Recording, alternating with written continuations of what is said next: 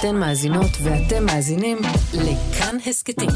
כאן הסכתים, הפודקאסטים של תאגיד השידור הישראלי.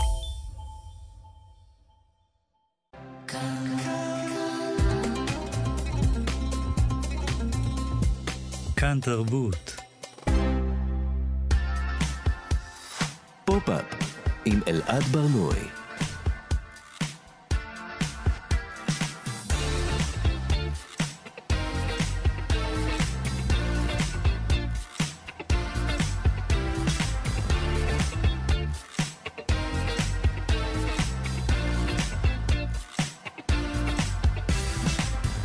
שלום, בוקר טוב, כאן תרבות, אתם על פופ-אפ. בכל שבוע אנחנו מדברים כאן על התרבות שמעניינת באמת. כל יום חמישי בשעה 10 ב-105.3 ו-104.9 FM. ניתן להזין לנו גם כהסכת, באתר של כאן, ביישומון של כאן וביישומוני המוזיקה וההסכתים השונים. איתי באולפן טל ניסן שמפיקה את התוכנית, טכנאית השידור ילנה רדיונוב, בוקר טוב לכן. אני אלעד ברנוי, והיום את התוכנית מגיש לצידי דוקטור יואב רונל, שלום יואב. שלום אלעד, בוקר י- טוב. בוקר טוב יואב, אנחנו נספר. אתה עמית מחקר בתוכנית לפרשנות ותרבות באוניברסיטת בר אילן. אתה מרצה באוניברסיטאות בן גוריון, תל אביב, בצלאל. אתה התארחת אצלנו בתוכנית כבר, דיברנו על כל מיני נושאים. דיברנו על, אה, על אהבה, דיברנו על קונספירציות, דיברנו על קפיטליזם. אבל היום אנחנו הולכים לדבר על בטלה. בטלה, שזו, תקן אותי אם אני טועה, זו ממש בבת עינך, נכון? אה, כן, אה, הספר שאני עובד עליו עכשיו אה, אה, עוסק בייצוגים של בטלה בתרבות ישראלית עכשווית, ובאופן כללי בשנים האחרונות, ואני מקווה שגם בשנים הקרובות, אה, אני מתכוון לחקור, חוקר של בטלה אה, בפילוסופיה, בספרות, בתרבות, אה, בפוליטיקה אולי. אה, כן. הת- התירוץ שלשמו התכנסנו היום הוא בעצם אלבום. אה, אלבום של תמיר בר, החופש הגדול, הוא יצא לפני חודשיים. אה, אלבום בעיניי מאוד מאוד מוצלח, זה- אפשר להגיד שזה אלבום כמעט דו-קוטבי. אה, החצי הראשון שלו עוסק באופן ממש ישיר בבטלה, הוא ממש מקדש את הרעיון הזה של אה, לא לעשות כלום, אה, להתאמץ, לקדש את זה שלא נעשה כלום. ובחצי השני שלו יש כמו מין אה, קריאה פוליטית לפעולה, נאמר. מוזר, יואב? זה מפתיע?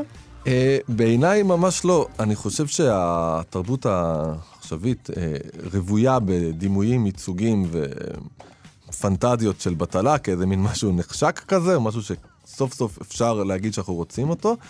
ואני חושב שהנוכחות הזאת היא קשורה uh, בעיקר למין איזה חוסר תקווה או קריסה של הלגיטימיות של הסדר הקיים. כלומר, כשאנחנו רואים...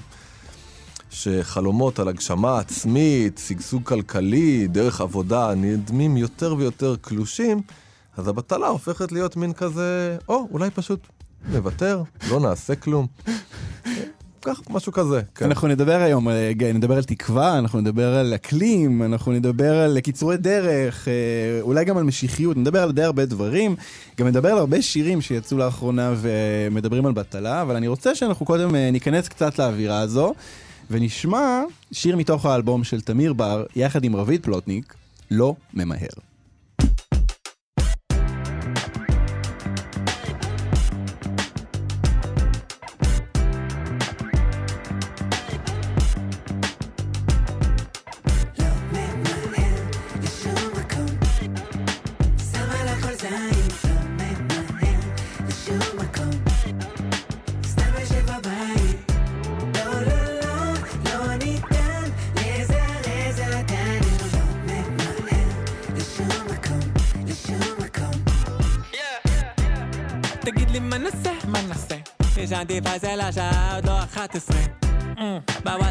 מנסים לריב איתי שלחתי אימוג'י של נמאסטה קניתי עוד קפה. יופי של יום במקום הסנוזה. שתיתי אוזו ולקחתי לי גם עוגה. לא ממהר. לא. היום כל בן אדם עם זמן פנוי. אני קורא אותו חבר. כי אני יום יום על ההאסל טלפונים, אס.אם.אסים, פאר את היום. ווואלה לא יום אסל יום באסל אצלנו כל יום אחסן נגב אבו חסן עם חסה. צריך לשמור אני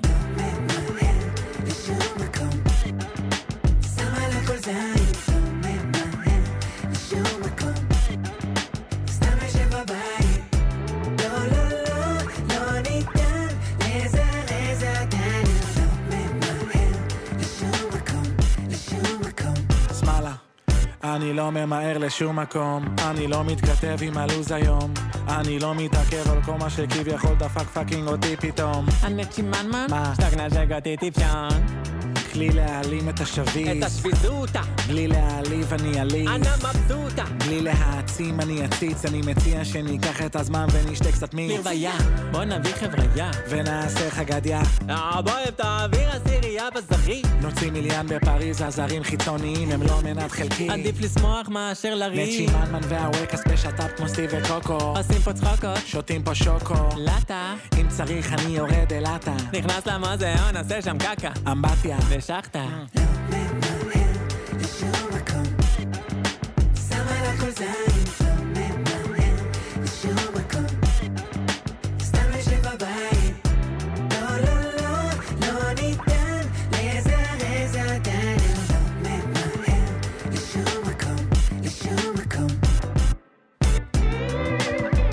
מה זה הכלי העצלני הזה? וואו, איזה סולו איטי.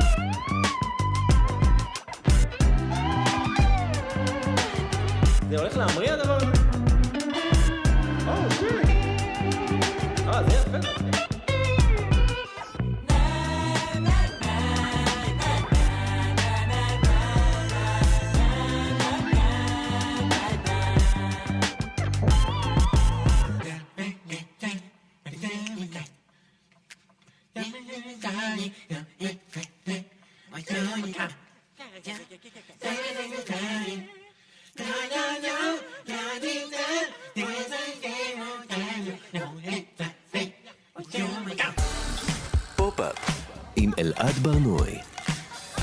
אנחנו היום בתוכנית מיוחדת בנושא בטלה, נושא אהוב מאוד. איתי באולפן דוקטור יואב רונל. יואב, מה חשבת על אה, לא ממהר של רביד פלוטניק ותמיר בר? אה, קודם כל, תמיד אהבתי את אה, רביד פלוטניק, ככה שאת השיר אני אוהב, ובעיניי זה מעניין ששיר כזה אצל קומיקאי כזה כמו תמיר בר, קומיקאי ויוצר, הוא כאילו, בעיניי זה מייצג את הזמן פשוט. זה לא מפתיע אותי שהאלבום הזה יצא, למעשה זה אפילו קצת משמח אותי וגורם לי להרגיש כזה, כן, כלומר, זה מה שהולך עכשיו, זו המשיכה עכשיו. לא רק סטלבט בקיבוץ, אלא גם אה, תמיר בר וגם אנשים אחרים מתחומים אחרים. אה, צריך לה- צריך להגיד שיוצאים עכשיו די הרבה שירים על אה, בטלה. אני רוצה שנשמע רגע, בוא, בשביל... אה, בשביל לכונן את, הת- את התזה שלנו לגבי זה שיוצאים הרבה שירים על בטלה, אולי נשמע את השיר המרכזי, השיר שכנראה עולה לכולם בראש כשמדברים איתם על בטלה בשנים האחרונות. אה, בואו נשמע. שאתה רץ, תעצור שנייה בצד.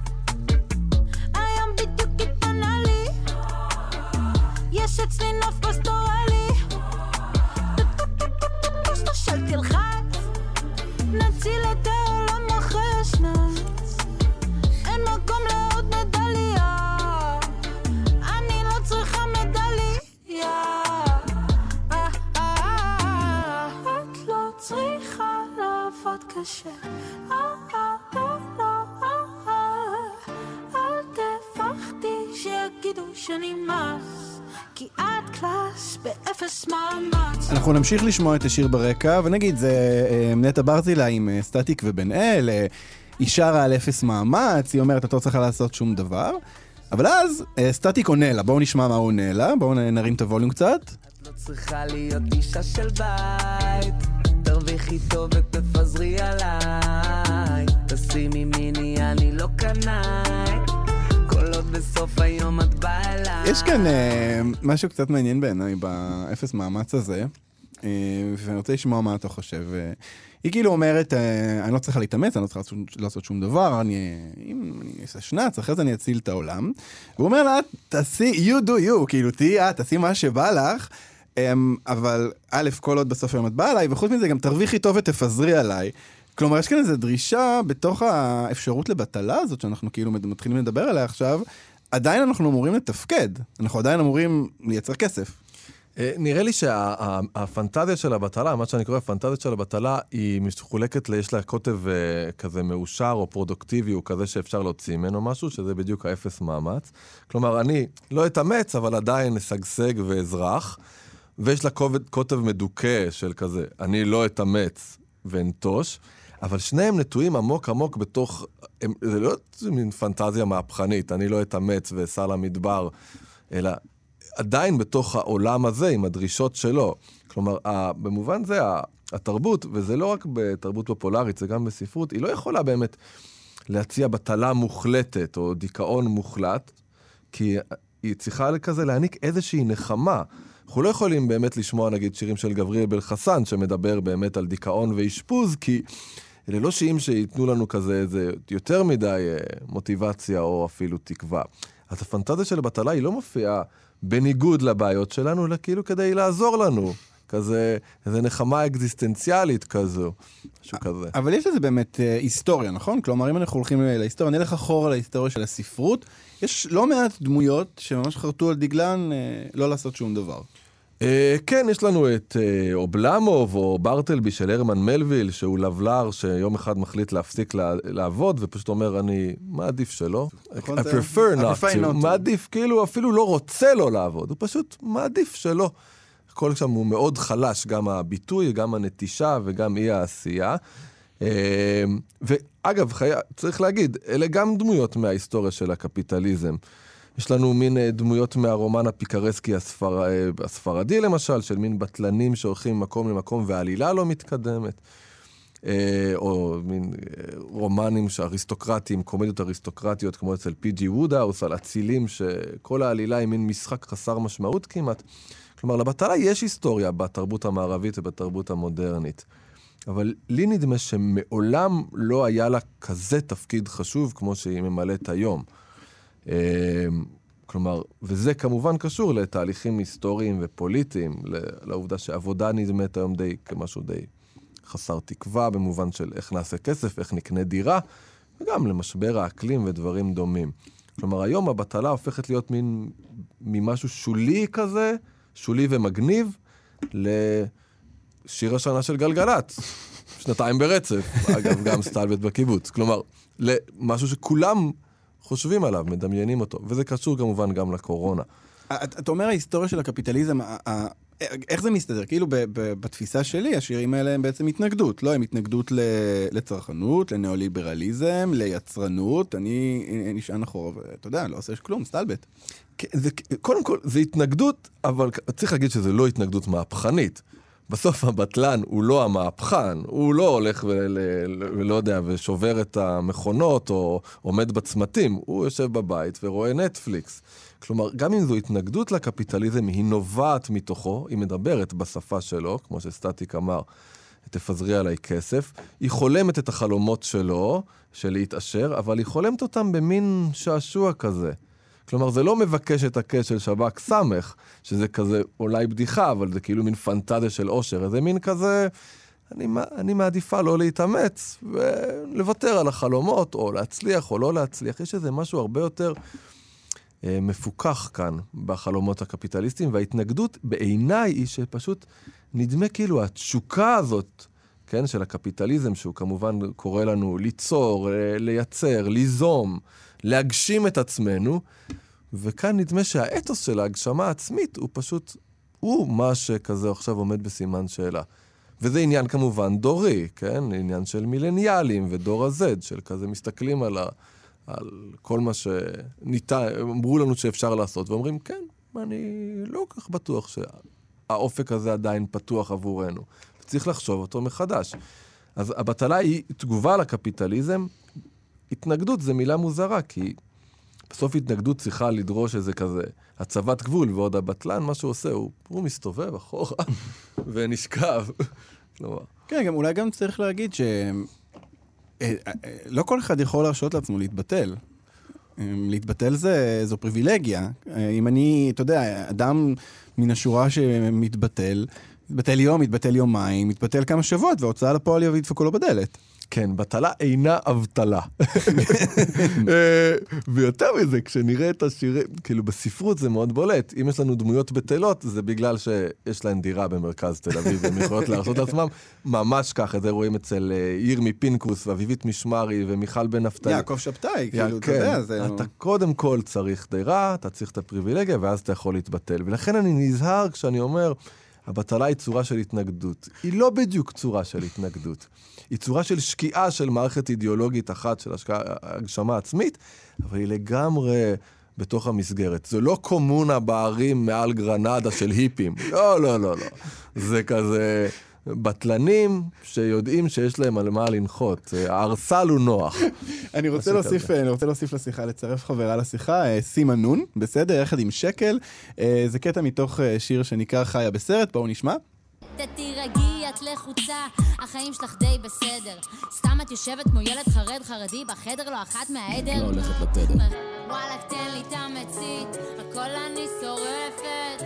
נושמת, נושפת, יושבת על ענן מעופפת, מעופפת. בואנה, איזה כריזמה יש לסימה נון הזאת. כל שורה שהיא אומרת, אתה ישר איתה. אמ, אבל תראה רגע מה היא אומרת. היא כאילו מרגיעה, החיים שלך זה בסדר, את יושבת בזה, את לא הולכת לתדר, את אה, חיה את החיים שלך סבבה, ופתאום, וואלכ, תן לי את המצית, הכל אני שורפת. אני יושבת על ענן, שזה כאילו להיות בסטלבט, אבל אני שורפת את הכל. כן, אני גם קודם כל חושב שהיא היא כאילו, מה זה חיה בסרט? זה כאילו, את חיה בסרט, זה על ההיפ-הופ הישראלי, כאילו, לא- את לא תהיי כוכבת. והשיר הזה מתאר איך היא כזה, בתכלס לא, לא יוצאת מהחדר, לא הולכת לתדר, לא משתתפת. זו אותה פנטזיה של פשוט לא לעשות כלום. אבל שוב, כמו שאמרת, בסוף יש שם איזה מין אופק של פשוט רצון לשרוף הכל. וזה מופיע בסוף, זה קצת כאילו לא קשור לשיר, אבל לשרוף הכל, כאילו הדבר הזה לא עובד, אני, וזה מין תשוקה מהפכנית שאין לה שום יכולת להתממשק לתוך הרעיון של הגשמה עצמית, היא כאילו לא קשורה לגמרי. אבל אה, אולי, אולי היא באמת מה שכזה מבצבץ בסוף הבטלה, כזה פשוט להתחיל מחדש. אה, אני רוצה שאני, לקרוא קטע שאתה הבאת לי, של אה, וואו, יש פה הרבה מילים שאני לא יודע לבטא, ואתה הולך לעזור לי בזה. אני מקווה. אה, אוטסה מושפג, נכון? זה השם? כן, אוטסה מושפג, אה, מתוך אה, שנת המנוחה והמרגוע שלי. אה, ספר שיצא בהוצאת המובט, תורגם לעברית, הוא ממש ספר שנראה לי הפך להיות כזה מין ספר של דור, נכון? ספר מילניאלי כזה, שמייצג איזושהי תחושה של כולם לגבי חוסר הרצון לעשות שום דבר. בקורונה הוא התפוצץ מאוד מאוד חזק. הוא נכתב לפני, אבל... כן, אבל בקורונה זה היה כזה שנת המנוחה והמרגוע של כולנו. לא יודע, אני קראתי אותו בקורונה, אז אולי בגלל זה זה, זה מחובר אצלי, אבל uh, אתה יודע, היו את, את, את כל המימים האלה באינטרנט לגבי מה תכננתי שיהיה ומה בסוף היה, אז תמיד זה, זה היה אחד מהדברים האלה. בוא, אני, אני אקרא את הקטע הזה.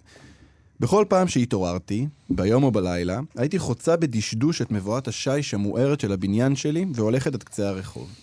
שם, מעבר לפינה, הייתה פיצוצייה שפתוחה תמיד. הייתי קונה לי שתי כוסות קפה גדולות עם חלב ושישה זקיקים של סוכר לכל אחת. מחסלת את הקפה הראשון במעלית בדרך חזרה למעלה, ולוגמת את את השני בזמן שראיתי סרטים ואכלתי קרקרים בצורות של חיות, ולקחתי טרזורון ואמביאן ונמבוטל, עד שעוד פעם נרדמתי. איבדתי את תחושת הזמן. עברו ימים, שבועות, חלפו כמה חודשים.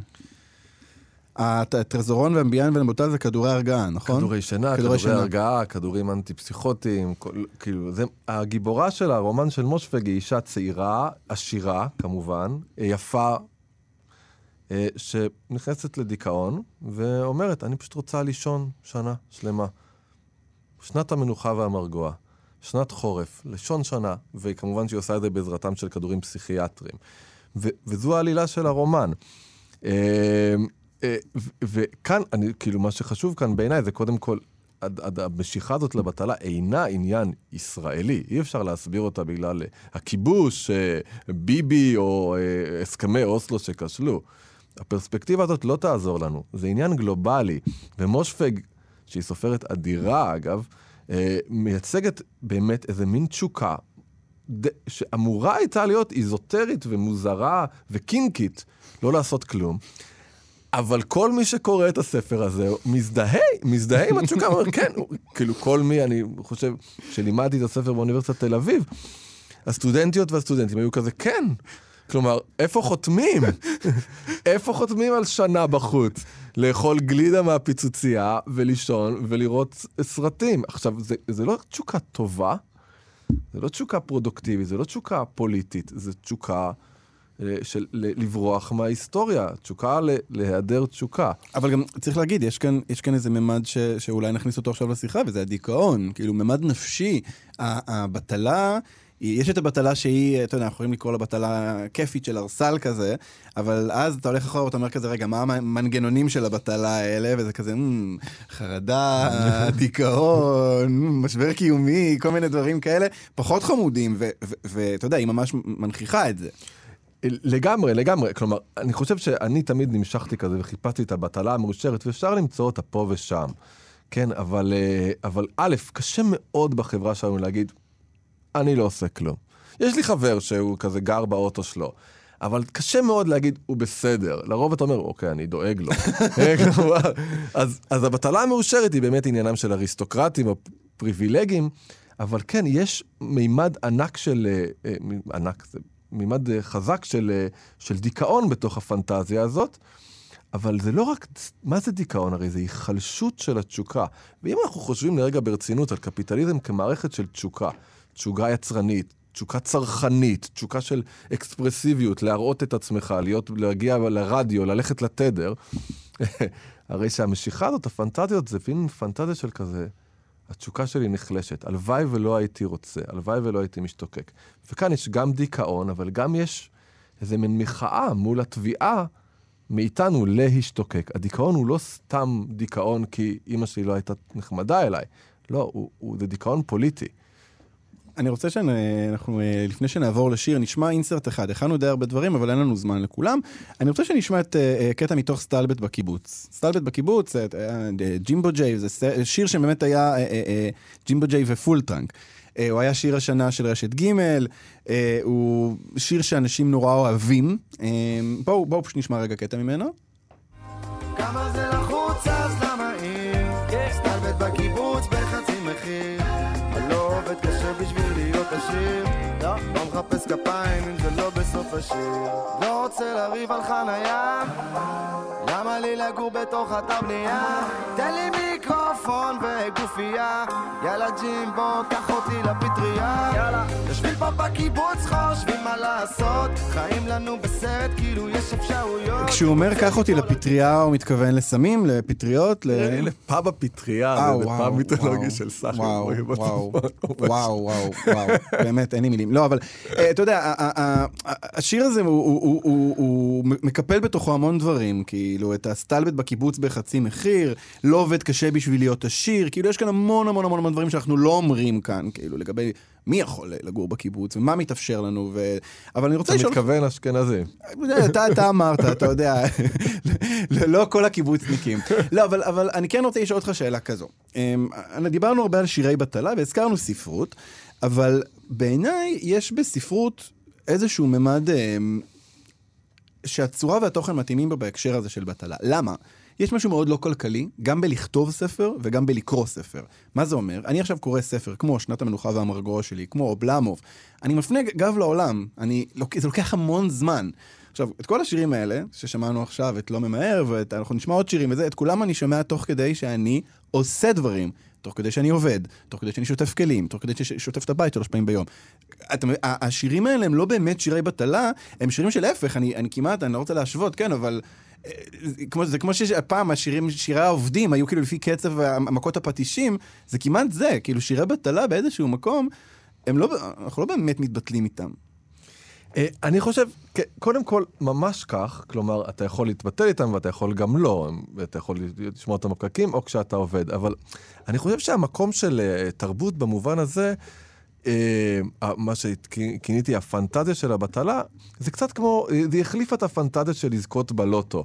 כלומר, אם פעם היית אומר, וואי, הכל חרא וזה, ואז אתה נרדם ואומר, טוב, וואי, אולי פתאום אני אקבל 50 מיליון דולר ואני אקנה המון בגדים יפים, או אני אצליח לקבל את המשרה הזאת שאני רוצה והכל יסתדר. וזה מין פנ... אלה פנטזיות של התקדמות ושגשוג וזה. ומה הן נותנות לנו? מין איזה נחמה כזאת שאנחנו יודעים שהיא שקרית, אבל שמים אותה ברקע. זה מין משהו שמאחה את הקרעים. אז לרוב מה שמאחה את הקרעים זה באמת, אה, לא יודע מה. אה, חלומות של הגשמה עצמית, אה, סרטים של וויל סמית שהוא מגיע מעוני לאושר. אז כן, השירים האלה לא אה, מפנים עורף לעולם, אלא הם מאחים את הקרעים של העולם.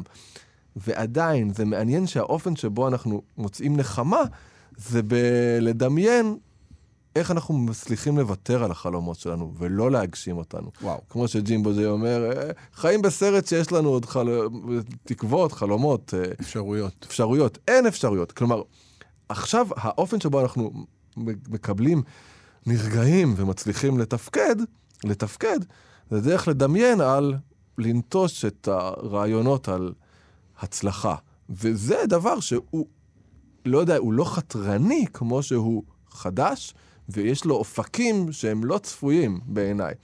אמ, וכן, וגם, תחשוב, הקיבוץ בסוף הוא תנועת העבודה. הרעיון הזה שהציונות, או האדם הישראלי, יהפוך להיות עצמאי, אוטונומי, פרודוקטיבי, ו- ומעניין לחשוב מה נותר מזה, כאילו בריכות, אה, שער צהוב, מזמינים פיצה, הולכים לפאב, לובשים גופייה, זה תמיד היה אולי איזה מין משיכה לחוסר אסתטיקה, לא חשוב.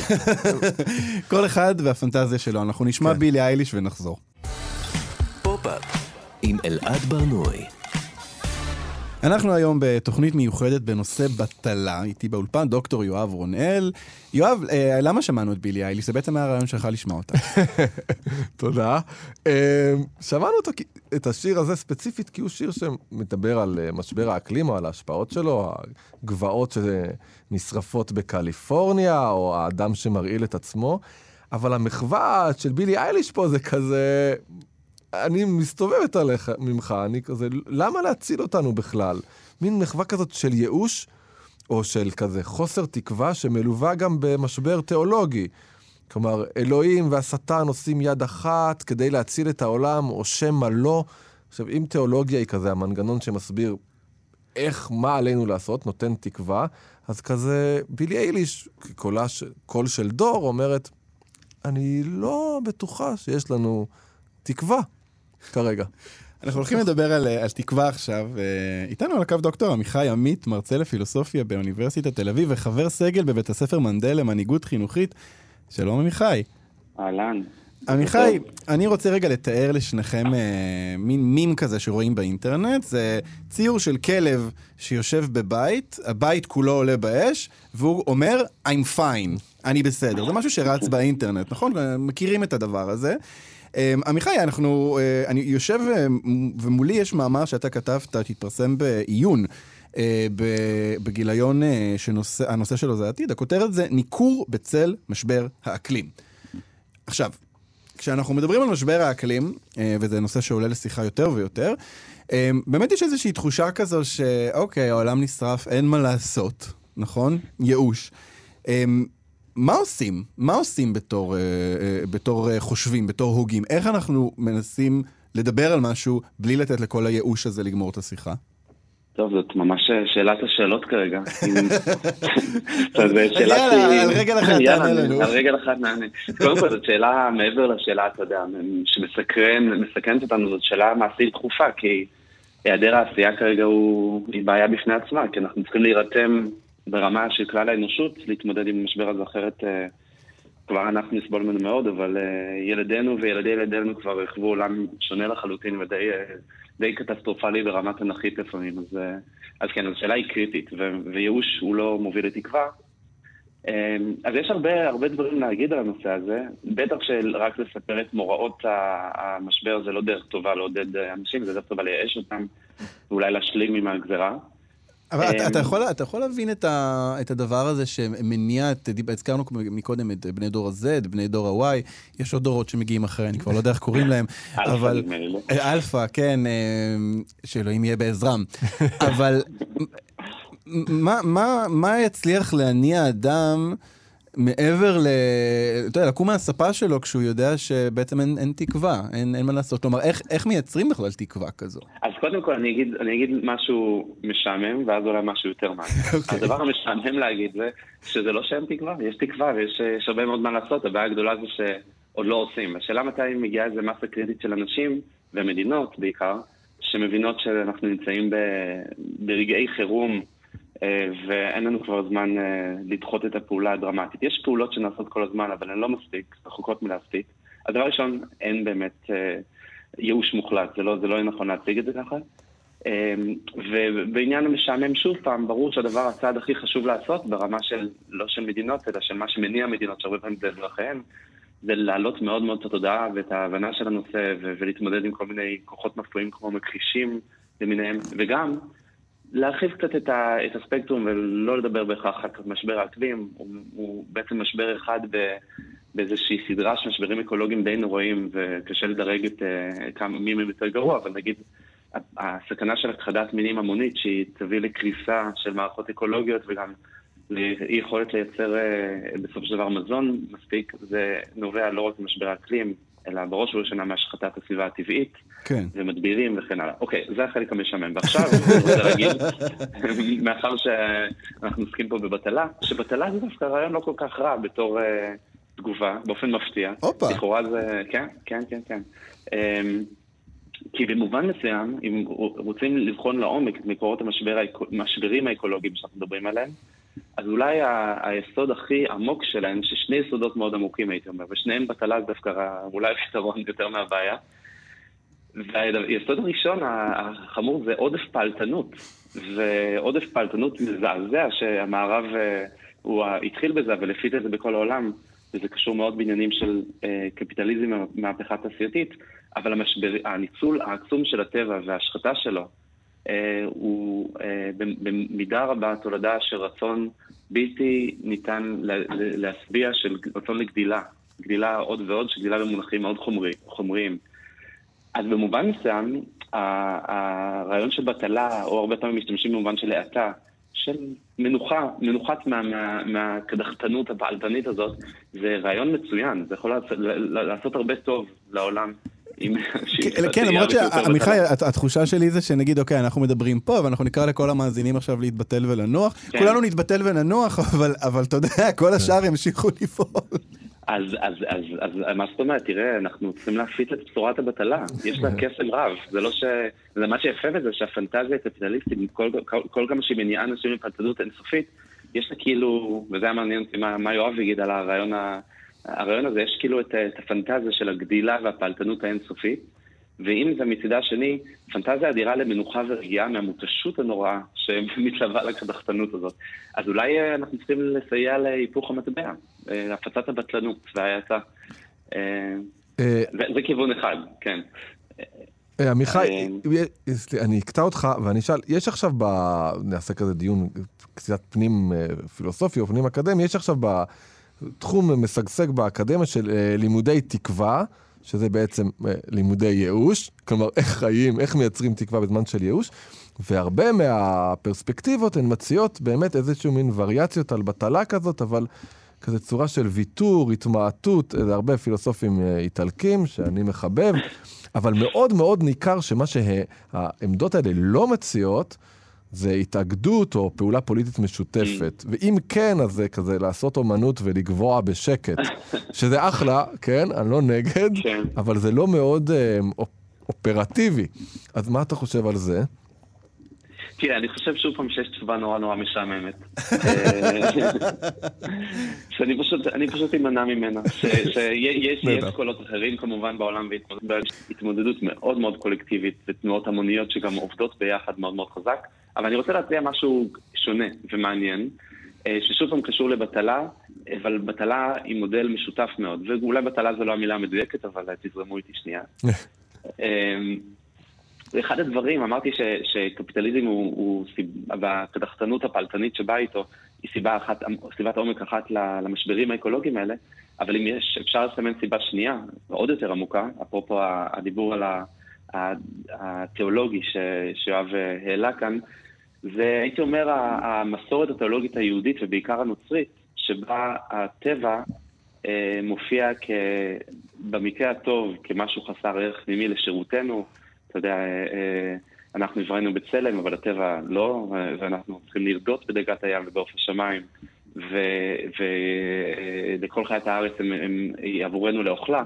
כל המסורת הזאת, ואז בנצרות גם הטבע, הטבע הוא טמא, הנפש מנותקת מהגוף, הגוף טמא, הנפש, היא נצחית וכן הלאה.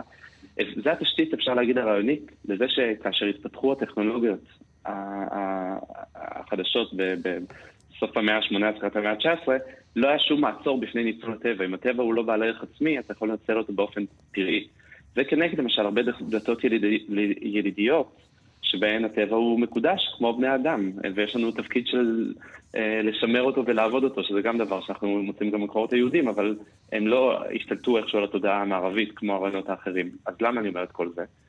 כי במובן מסוים, אה, אחד השינויים הגדולים שאפשר עכשיו להוביל, זה תפיסה של האדם, סליחה, כחלק אה, הרבה יותר אינטגרלי מהטבע.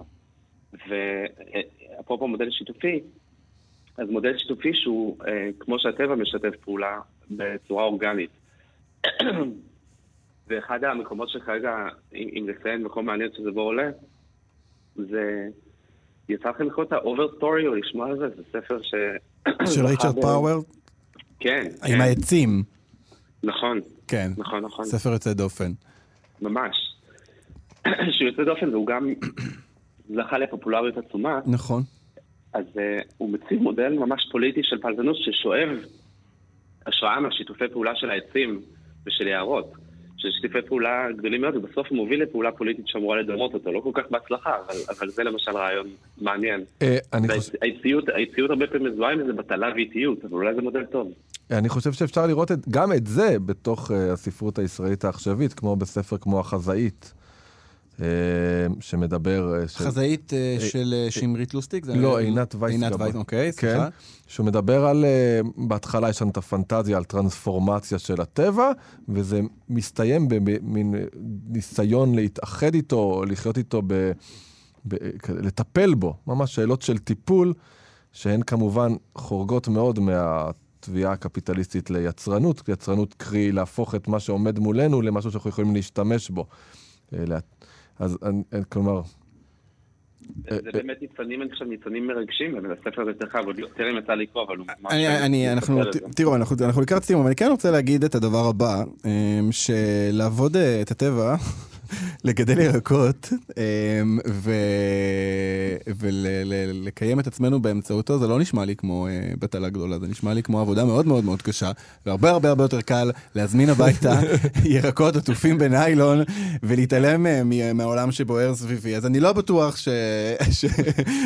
שהקריאה הזאת היא הקריאה האופרטיבית הכי טובה שאני יכול לחשוב עליה. יש מצב. טוב, אז סליחה שחירבתי את כל השיחה הזאת, אלא אנחנו מדמיינים. קודם כל, העתיד נפתח קודם כל דרך דמיון. ואחר כך נצליח לשנות אותו. דוקטור עמיחי עמית, תודה רבה לך על השיחה הזאת. תודה לכם. ביי עמיחי. ביי ביי. מעשה באבייב, שהיה יושב את ספתו ולא נע ולא נד, ולא נוקף אצבע, אלא בעבור מזון. ופייסלות לו לרוב, ואין מפרע, והיה נח. והיה שלב האדם רק בריאות האבייב נח. ויאמר פי, תראה איך הוא נח. וינוח גם. ראה אבייב כי טוב, וינוח עוד. יעשה לו צ'ק רייז.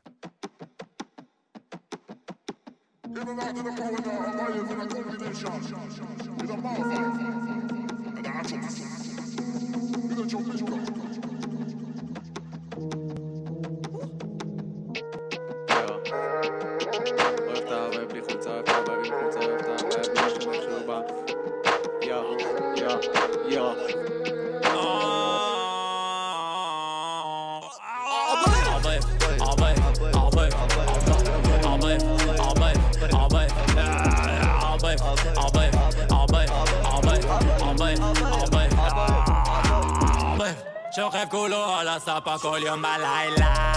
בלילה כולו חמתי נרבו עם המממה עוד מעט תגיע לו הפיצה. בהם מגלגל את הג'וינט על הספה. והמגזם והמגזם לבא מסתכל על נח ונרגע. ככה לא ייבנה בית המקדש. אבא נח על הספה אחד עם הקאבה.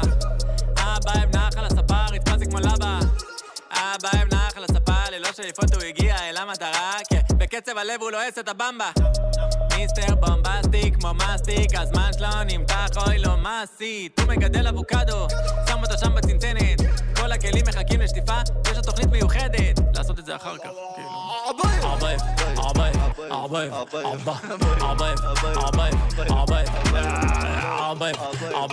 ערבייב ערבייב ערבייב ערבייב שב מהעבודה, כמו מטוס, קרב. ממהר אל הספה, כמו חגב סתיו. עוצר לרגע בכורסה, זה מצג שווא. או, נזכר פתאום במשהו, ועכשיו קם, סתם. מה נראה לכם עכשיו? בחיים הוא לא קם, בחיים הוא לא קם, שהתפוצץ העולם.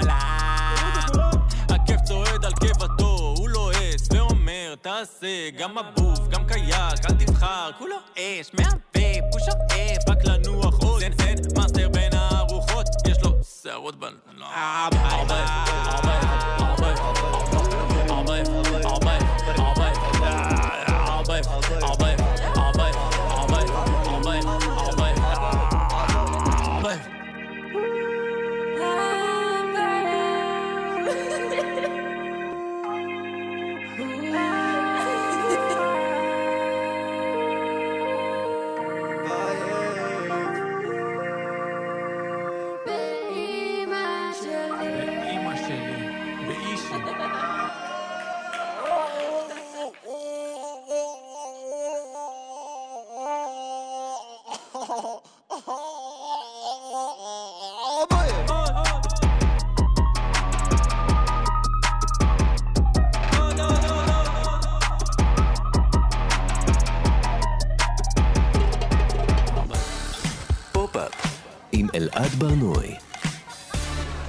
אבייב, אנחנו היום בתוכנית מיוחדת של פופ-אפ בנושא בטלה, אה, בעקבות, אבל לא רק, האלבום החדש של תמיר ב- בר, איתי באולפן, דוקטור יואב רונל. יואב, ככה לא ייבנה בית המקדש. שמעת שהוא אמר את זה? שמעתי. יש בזה משהו, לא? אה, משיחיות אה, ובטלה לא מסתדרות כל כך ביחד. אה, כביכול לא מסתדרות, אה, בטח לא כשאנחנו מבינים אותן בהקשר הישראלי של משיחיות, כלומר לכבוש, לבנות, לעלות, אה, אה, לפרק ל- וכו', אבל משיחיות בסוף היא תשוקה לבטלה, כן? שיהיה ברור, בגן העדן, לא, לא משנה מה הפרספקטיבה שלך, עבודה אין. יש כל מיני דברים אחרים. אה, אתה יכול להגיד בגן העדן מסוים רק יושבים ולומדים כל הזמן, זה גן העדן של היהודים ושל האקדמאים, או הגיהנום. אה, או שיש לך שם אה, 70 בתולות, או שיש שם רק אה, מנעמים, אבל כלומר, המשיחיות היא באופן פרדוקסלי פעלתנות שבסוף שלה אמורה להגיע איזו רגיעה או מנוחה. אבל כן, כלומר, זאת, מש, זאת משיחיות, כאילו, המשיחיות של הבטלה היא משיחיות הפוכה כזאת. אנחנו פשוט נפסיק אפילו לחכות, את בית המקדש לא נבנה. ואז בעצם, אבייב, על הספה שלו, הוא הגיע. זו ממלכת גן עדן. זו הגן עדן, וואו, כן. זה הגן עדן, יפה, מקנא באבייב. אני רוצה לצרף לשיחה שלנו את דוקטור ננה אריאל, מחברת, חוקרת ומלמדת בפקולטה למדעי הרוח באוניברסיטת תל אביב. שלום ננה. היי אלעד, מעניינים. בסדר. ננה, אני רוצה לשאול אותך שאלה. את כתבת אה, אה, מאמר מאוד מעניין, שזמין לקריאה, זמין לקריאה ברשת, הוא נקרא בשבחי הקיקיוני. עכשיו, כשאני משתמש במילה קיקיוני, אני בדרך כלל משתמש כדי לומר, וואו, שמעתי מוזיקה של להקה קיקיונית שאף אחד לא מכיר, כדאי לכם להכיר אותה, באמת, להקה מדהימה. את לימדת אותי שבעצם קיקיוני זה משהו אחר. נכון, קיקיוני במקור זה בכלל משהו שהוא בר חלוף. קיקיוני זה מגיע מספר יונה, קיקיון ששמר על יונה לילה אחד ואז נעלם. נכון. וזו המשמעות המקורית של הדבר הזה, ואחר כך השאלנו את זה כדי לדבר באופן שלילי על דברים, אבל במקור זה משהו מאוד חיובי, משהו שמבליח ונעלם, שיש לו תפקיד אה, קריטי ברגע שבו הוא נמצא איתנו. למה, למה זה חיובי, משהו שנעלם תוך רגע? האמת, עצם זה שהוא נעלם, אני לא בטוחה שזה הדבר החיובי. הרעיון הוא ש... שיש לו תפקיד קריטי ברגע שבו הוא נמצא. Mm. ואולי אפשר לחשוב על ההיבט החיובי בעולם שבו, א', בסולם ערכים, שבו תמיד אנחנו מקדשים את הדברים שנשארים, שעוברים קלוניזציה, שנחקקים, זאת אומרת, הפנטזיה הזאת שיש פחות או יותר לכל אומן, אולי לכל אחד, כן? זאת אומרת, שפשוט להישאר שם בעולם, לחקק. אה, ואולי, אגב, הדיון האקולוגי שהיה לפני שנייה, ההיעלמות היא חיובית, במובן הזה שהיא לא משאירה חותם. לא מזהמת את העולם שלנו, פשוט באה והולכת ועושה את התפקיד שלה. Mm. למה עכשיו הקיקיוני? את חוש... ולמה בהקשר גם של, אה, כלומר, אה, עולם הספרות, או את כותבת, אה, ספרות שלא מנסה לזכות בפרסים או לא מצליחה. אה, למה עכשיו, לדעתך, יש לקיקיוני היום אה, מקום שהוא חשוב, משמעותי, בעל ערך, באופן מוזר? מעניין, אני חושבת שא' זה נכתב מאהבה, אני אוהבת את הקיקיונים הרבה פעמים. זה דברים שלא מנסים לזכות באוסקר. אמ, ושיש בהם אולי איזה קרינג' מעניין. והיום אני חושבת שיש יותר דברים כאלה. א', בגלל שיש פשוט יותר דברים, אולי. יש שיח של תרבות פופולרית שהוא הרבה יותר אה, אה, הקטי, ושאפשר להיתקל בו בהרבה יותר תופעות, וחלק מהן הופכות להיות אה, תופעות מרכזיות. עם או בלי שהם התכוונו. אה, נפלתם עליי אגב בדיוק בזמן, כי את השירים שהשמעתם ואת האלבום של אה, תמיר בר שמעתי בלופים בשבועות האחרונים. ו- אז אני לא יודעת, אני לא יודעת אם, אם זה משהו שהוא ספציפי של הרגע, אבל ברור לגמרי שיש יותר הזדמנויות אולי להתקל בתופעות כאלה, ויש יותר הזדמנויות לתופעות כאלה להפוך לתופעות מרכזיות בתרבות. ננה, אני רוצה להוסיף אה, לשיחה שלנו עוד טקסט שכתבת, אה, שמצא חן בעיניי מאוד, הוא נקרא מדריך לאומנות הפלגיאט. אה, ואת אומרת שם של, אה, שלהעתיק נכון זה ללמוד, כלומר צריך לדעת איך להעתיק, אנחנו מקבלים את זה שהיום אנשים מעתיקים, בכלל, בכלל עם ה-GPT-3 זה נהיה נושא שיחה עוד יותר רציני, אבל את ממש נותנת כאן אה, אה, אה, מדריך לאיך להעתיק כמו שצריך, לאיך אה, אה, איך לשלוט באומנות העדינה של הפלגיאט, את אה, קוראת לזה. אה, ואני אני רוצה לחבר את זה לשיחה שלנו על, אה, על בטלה. אה, אני רואה את, ה, את, ה, את הדבר הזה כאיזה מין אה, קיצור דרך, כאיזה מין קיצור דרך אה, אה, עדין, יפה, בסופו של דבר, לזה שנוכל לשבת רגל על רגל ולא לעבוד קשה. אז תראו, אותי מאוד מעניין העניין הזה של העשייה ובטלה בהקשרים של הלמידה. יש שיח נורא נורא ער בעולם של הלמידה על אקטיביות, חייבים להיות אקטיביים כדי ללמוד, אבל גם יש כל הזמן שיח על הפוגה ועל מנוחה ועל כל מיני דברים שקורים בנפש ובמוח כשנחים.